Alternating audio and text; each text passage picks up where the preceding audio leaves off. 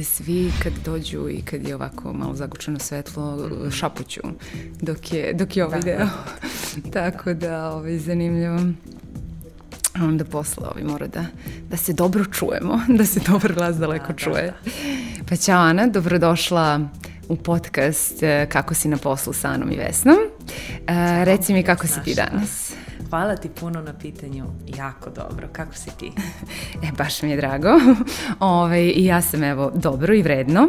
E, prvo da te predstavimo. E, Ana Sokolović je moj današnji gost i ona je licencirani psihoterapeut i master klinički psiholog. Mm -hmm. E sada, ja znam da mnogo ljudi e, ne zna, izbunjeno je oko značenja, e, ja vidim mhm. često i pogrešno e, nazivaju psihologama, psih, psiholog, psihologa zovu psihijatar ili psihoterapeut i šta je uopšte, e, da, da prvo objasnimo šta, to je šta radiš, čime se baviš i koja je razlika između mm -hmm. psihologa, psihoterapeuta, mm -hmm. psihijatra, jel možeš da nam pojasniš? Mm -hmm, naravno, naravno i često je ta zbrka oko toga jel, ko može da pruži kakvu pomoć. Uh, Pre svega, e, psiholog je neko ko je završio psihologiju, ko je studirao psihologiju na filozofskom fakultetu ili na nekom od drugih fakulteta koji nude psihologiju. Klinička psihologija je deo psihologije koji se bavi specifično mentalnim zdravljem i problemima mentalnog zdravlja.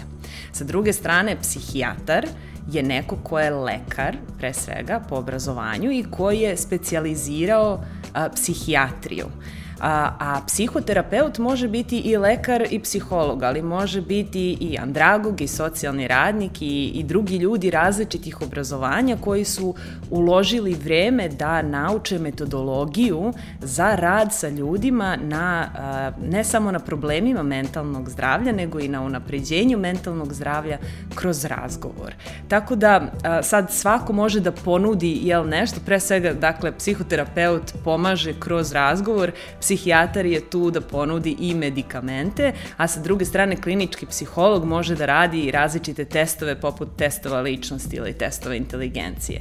Tako da važno je doći do nekog onda kada vam je potrebna pomoć, a onda ćemo mi dalje upućivati koja je možda najbolja, najbolja adresa za ono što je potrebno da. osobi. A reci mi šta si onda, ti si završila psihologiju da. i koje su tačno, šta si još završila nakon toga da bi, mm -hmm. da bi postala psihoterapeut? Znači, najpre osnovne studije a, psihologije na filozofskom fakultetu, onda master iz kliničke psihologije takođe na, na filozofskom fakultetu u Beogradu, a onda šest godina konstruktivističke psihoterapije koja je bila moj izbor, znači šest godina dodatnih studija da bih mogla da se danas bavim psihoterapijom i radim sa ljudima aktivno u svakodnevnici jedan na jedan, ali i evo sada odnedavno kroz program koji se bavi specifično prevencijom i rehabilitacijom ili oporavkom od burnouta. Da, ove, zato si ti i naš ovaj, jedan e, idealan gost za, za ovu emisiju, e, pošto imaš program koji se upravo bavi, mm -hmm. pomaže ljudima koji su u burnoutu, koji se gorevaju mm -hmm. na mhm. poslu, e, da iz toga izađu. E, kaži mi prvo, e, kakvi tačno ljudi dolaze na, na program i kako, kako izgleda osoba koja pati od, od burnouta i od sagorevanja na poslu? Mm -hmm. S kojim mhm. simptomi, simptomima oni dođu kod tebe? Najpre, ono što je zajedničko svima jeste da osjećaju uh, neki vid iscrpljenosti.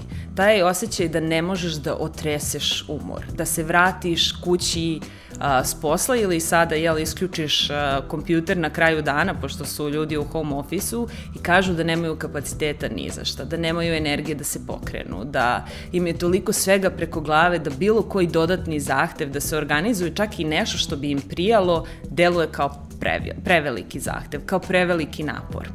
Znači, ta iscrpljenost je nešto što se prvo uh, uoči. A onda nakon toga ide jel, osjećaj smanjene efikasnosti ili zaista po rezultatima vidiš da za nešto za šta ti je ranije trebalo mnogo manje vremena, sada ti treba mnogo više. Pad kreativnosti, pad produktivnosti i negativan odnos prema poslu. Odjednom primećuješ apatiju prema svom poslu, ništa ti nekako nema smisla. Ujutru kad treba da kreneš na posao ili opet upališ monitor, kreneš da radiš, osjećaš neku mučninu, radije ne bi bila tu, ne razumeš zašto više radiš to što radiš ili ti je nekako preveliki obim posla, toliki da ne možeš da svariš stres u toku dana, ili sa druge strane znaš da možeš da obaviš sve te zadatke koje imaš, ali ne vidiš kuda ideš sa tim zadacima. Pored toga, naravno, pored ta tri neka osnovne, po, pored te tri osnovne grupe simptoma, ono što ljudi još primećuju i što ih najčešće dovede do toga da traže pomoć, jesu a, to neko hronično nezadovoljstvo, bezvoljnost, osjećaj a, nedostatka smisla, gde im je toliko teško negde da ostanu u kontaktu sa ljudima oko sebe, pa to onda utiče na odnose, pa brzo planu, iritabilnost, ne mogu da se udube u konverzacije, nekako sve ih preplavljuje, sve neki dodatni zahtev. I to je, naravno, pričamo o onome što se dešava onda kada te, kada dođemo do te faze burnouta gde shvatimo, oho, sad ne, treba nešto da, da uradimo u vezi s tim, ali nekako burnout se ne dešava preko noći, mm -hmm. nego se dešava kroz kontinuirano zanemarivanje brige o sebi. Jer onako, umorni da li, smo, ali nema veze. Da, da, da li su ljudi svesni mm -hmm. da je to zanemarivanje brige o sebi ili to vide nekako drugačije? Oh, to vide uh, kao cenu posvećenosti najčešće. Um, dakle, ja sam posvećena svom poslu, pa i trebalo bi da budem umorna. Ako na kraju dana nisam umorna, to verovatno znači da nisam dala dovoljno od sebe. Ili prihvataju to kao neku normu, pa svi ostaju na poslu do sedam, niko ne izlazi ranije. U, pa ko danas nije umoran od posla? Daj, ajde, šta ti je? Jel, neko obesmišljavanje umora, ali isto tako i mnogi ljudi razvijaju taj neki stav da možda njihove potrebe nisu dovoljno važne da bi ih uvažili. Odnosno, jel, to što sam ja umorna nije tako strašno da bih sada odmah morala da reagujem. Jel? Negde reagovaću kasnije, stavit ću sebe zapravo, ostavit ću sebe za kasnije zato što imam neke druge stvari koje treba da obavim. I onda sve prioritizuju osim sebe ali to vide kao ne um, svesno zanemarivanje sebe, već svesnu prioritizaciju nečeg drugog. Mhm. Bitniji je posao, jel pa uz posao bitnije je porodice, pa onda uz porodicu bitnije je kuća, pa onda uz kuću bitnije šta već dođe i onda, a gde si tu ti? Pa, um, I da li oni postanu svesni toga tek kada dođu na program ili šta je tačno taj trigger što ih, e, šta ih probudi da, da shvate i da kažu kao meni treba mm. pomoć, ja moram da izađem iz ovog? Najčešće je to da im je dovoljno, dovoljno loše. Dovoljno loše u tom smislu da su dovoljno nezadovoljni time kako njihov život trenutno izgleda, vide da ne mogu da pokrenu neke stvari koje žele um, ili primećuju neke rane uh, fizičke simptome, onu mučninu kad treba da krene kreneš na posao, onda toliki stres na kraju dana da ne mogu da se opuste i kad dođe njihovo slobodno vreme, jel dođe vikend ili odmor, ne mogu da isključe, ne mogu da isključe um.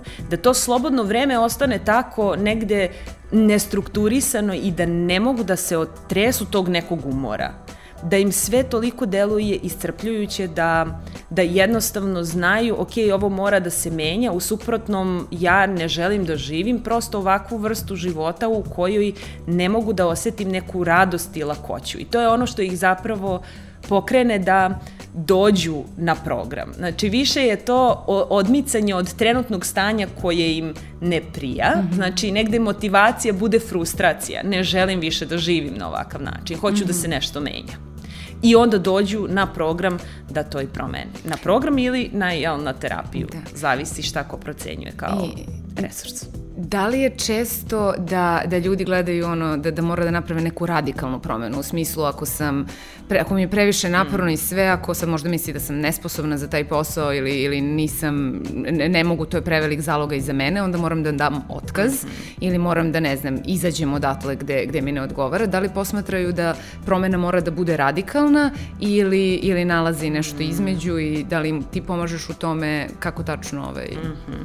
Zavisi kakav odnos imaju prema promeni. Neko na promenu gleda kao na revoluciju, a neko gleda kao na evoluciju. Jel? I neko dođe zbog revolucije i kaže kako da ja dam otkaz na ovom poslu i krenem nešto skroz drugačije, a neko kaže nisam spremna da dam otkaz, shvatam da postoje mnoge stvari na poslu koje mi smetaju, ali ću ja ovde nešto sada drugačije da uradim. Bilo da promenim odnos prema sebi, jel? ili da promenim odnos prema poslu. Šta znači odnos prema sebi? Kako da više brinemo sebi, kako da bolje brinemo sebi, kako da negde bolje organizujem svoje vreme i svoje navike ili sa druge strane kako da posao organizujem tako da mi bude to negde mnogo lagodnije podnošljivije na kraju krajeva. Jel, to podrazumeva kako da, kako da bolje komuniciram sa kolegama, kako da delegiram zadatke, kako da se oslobodim perfekcionizma, kako da uh, ja manje prokrastiniram, a negde efektivnije obavljam svoje zadatke i tako dalje.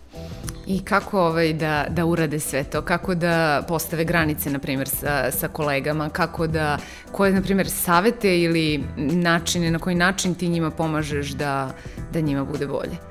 Prvi korak je da primetiš da imaš problem sa granicama. Ja? Negde krenemo da podrazumevamo da to jel, uh, jeste neko naše stanje bivanja. Sad mi smo kolegijalni, mi smo produktivni, mi smo kakvi god i to znači da radimo uglavnom sve sami, prihvatamo sve ono što nam neko donese kao zahtev i ne razmišljamo o tome da li mi imamo pravo da nešto odbijemo, da li imamo pravo da nešto delegiramo.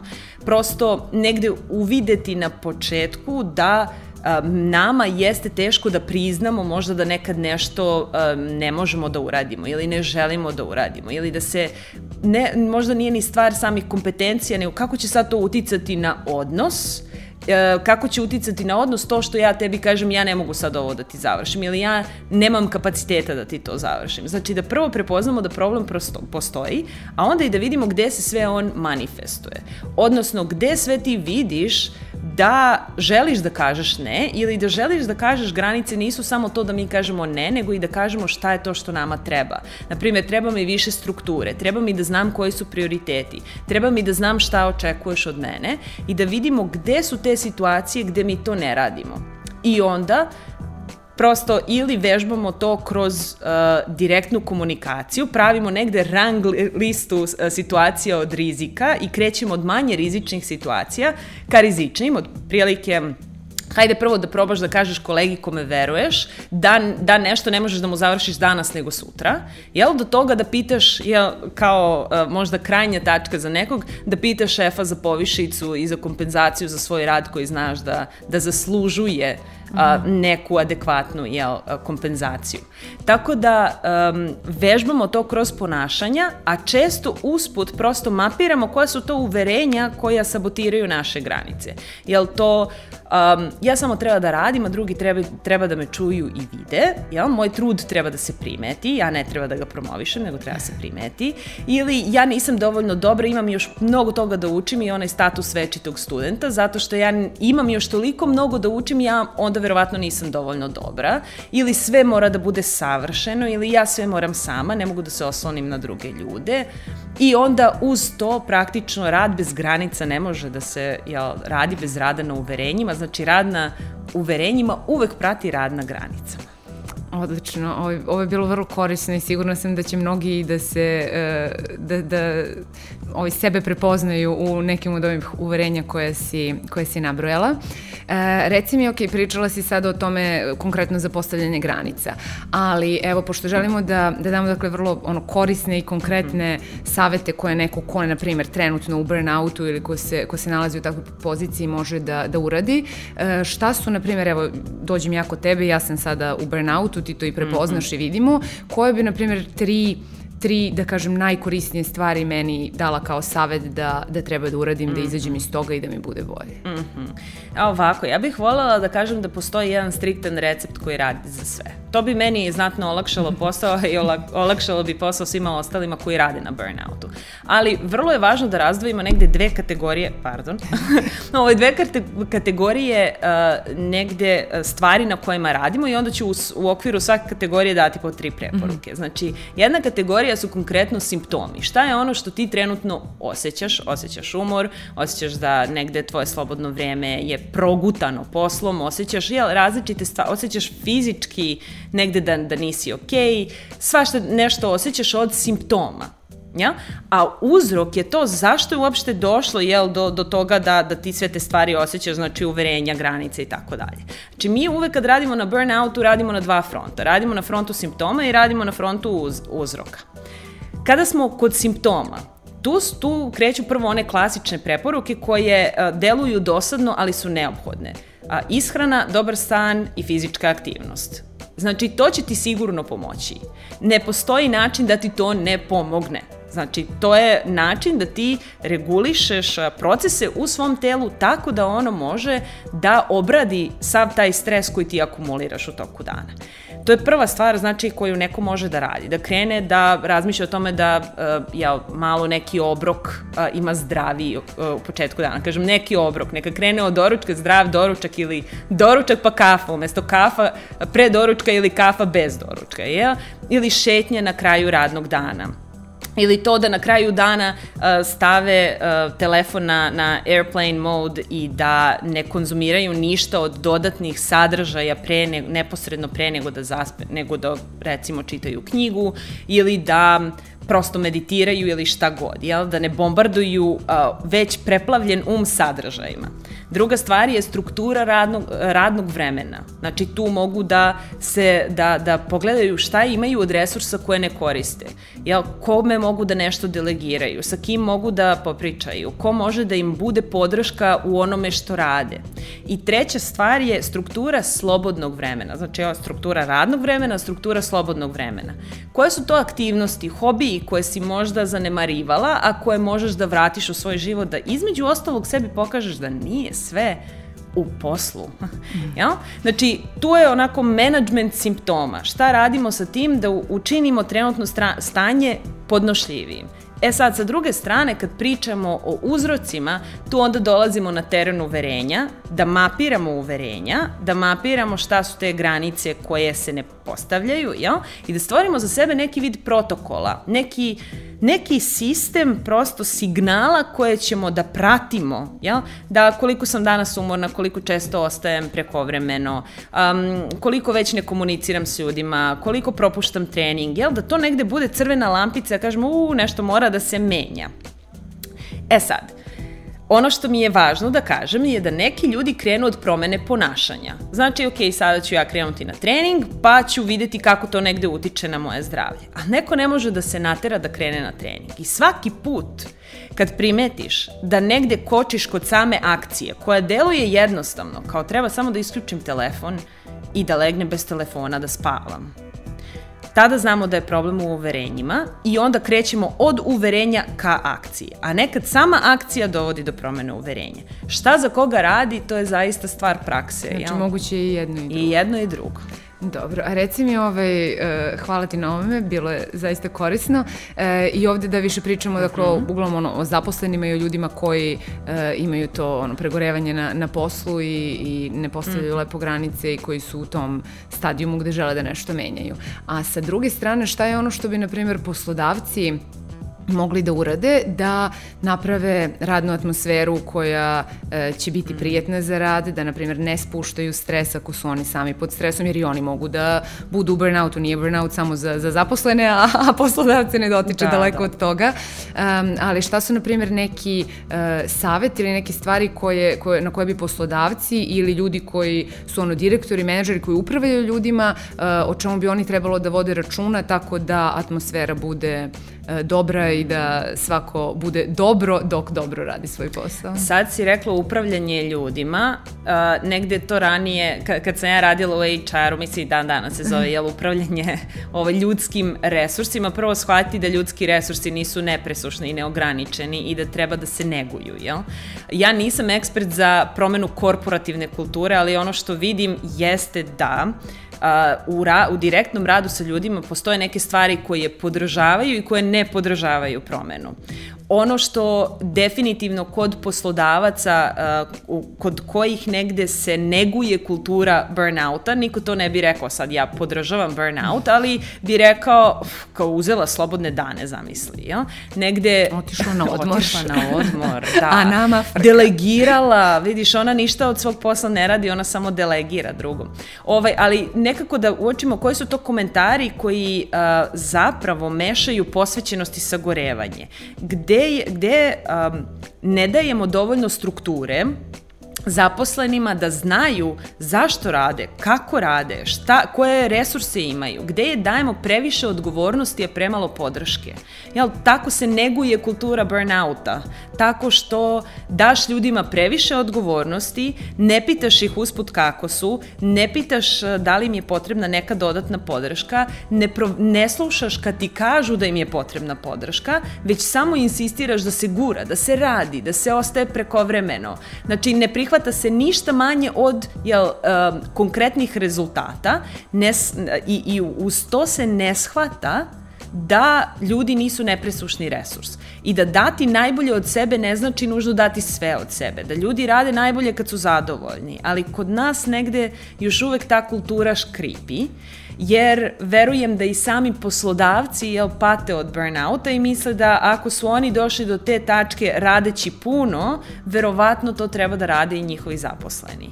I onda se negde daje drugom ona zabrana koju daješ sebi Jel? Negde menadžer krene od toga, ali ja nikad ne izađem pre 7, znači ti ne smeš da izađeš pre 8. Znači ja nisam uzeo slobodan dan 10 meseci, znači ti ne možeš da uzmeš slobodan dan 10 meseci. I meni kažu šta treba da radim, samo mi daju, evo ovo je sledeći projekat i ja njih ništa ne pitam, zašto ti mene pitaš zašto ovo radimo? Pa radimo.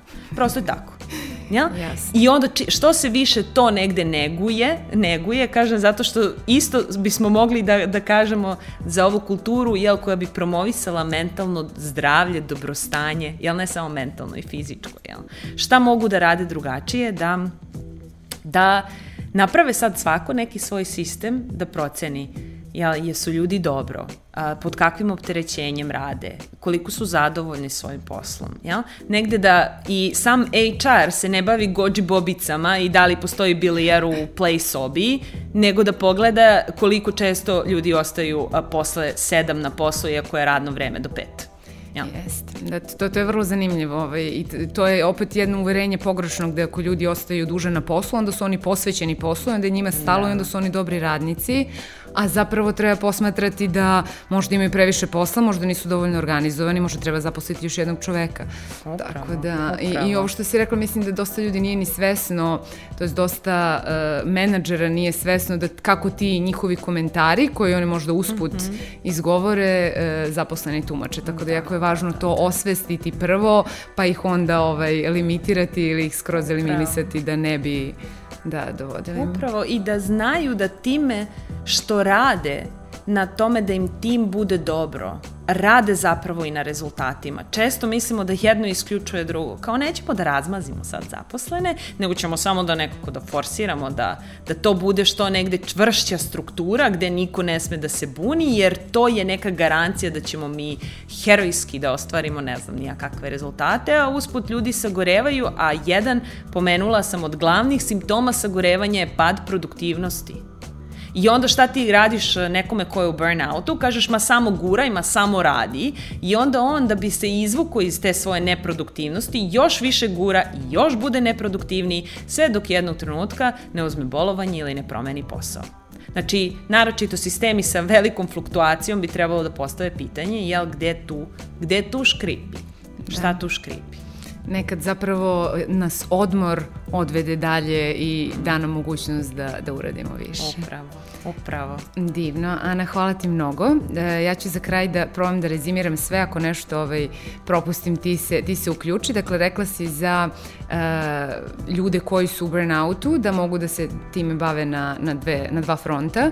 Jedno je za konkretne e, stvari tipa da bolje jedu, da se zdravije hrane, da se više kreću i da dovoljno spavaju. Mm -hmm. Jel tako? To su I da, da vide šta mogu da promene u strukturi svog radnog vremena i u, u strukturi, strukturi svog vremena. vremena da. E, tako je i sa druge strane onda da ako ne mogu da se pokrenu, onda jel te da potraže pomoć i da krenu da rade na svojim uverenjima, da vide šta ih to koči tačno, pa ne mogu da se, da se otkoče mm. i, da se, i da se pokrenu. Uverenje, granice i protokol za check-in sa sobom da možeš da primetiš kad krećeš da uplivavaš u burnout.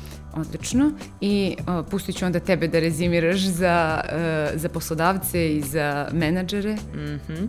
A, nemojte negovati burnout kulturu i tu kulturu je, dakle, koja meša posvećenost sa sagorevanjem i koja daje negde da uh, pos, uh, koja daje zaposlenima uh, takvu vrstu poruke da su oni tu nebitni i da su rezultati uvek bitniji od njih, jer su oni ti koji prave rezultate, a ne rezultati njih. Tako da dati najbolje mm. od sebe možeš samo onda kada si dovoljno odmoran, onda kada si dovoljno spreman da, da daš uh, prosto svoj doprinos onome što radiš. Ovo je baš lepo rečeno, da zaposleni prave rezultate, a mm. ne rezultati ne prave njih. Upravo. Divno. Hvala Ana, ti. Hvala, hvala ti mnogo što si bila naš gost. Um, mi se gledamo za nedelju dana ponovo. Uh, gledajte nas i pratite na biznis.telegraf.rs i najvažnije, budite nam dobro. Anči, hvala ti mnogo. Hvala ti puno. Da, mislim da je Nadam bilo baš se da je bilo korisno, dovoljno da. konkretno i korisno.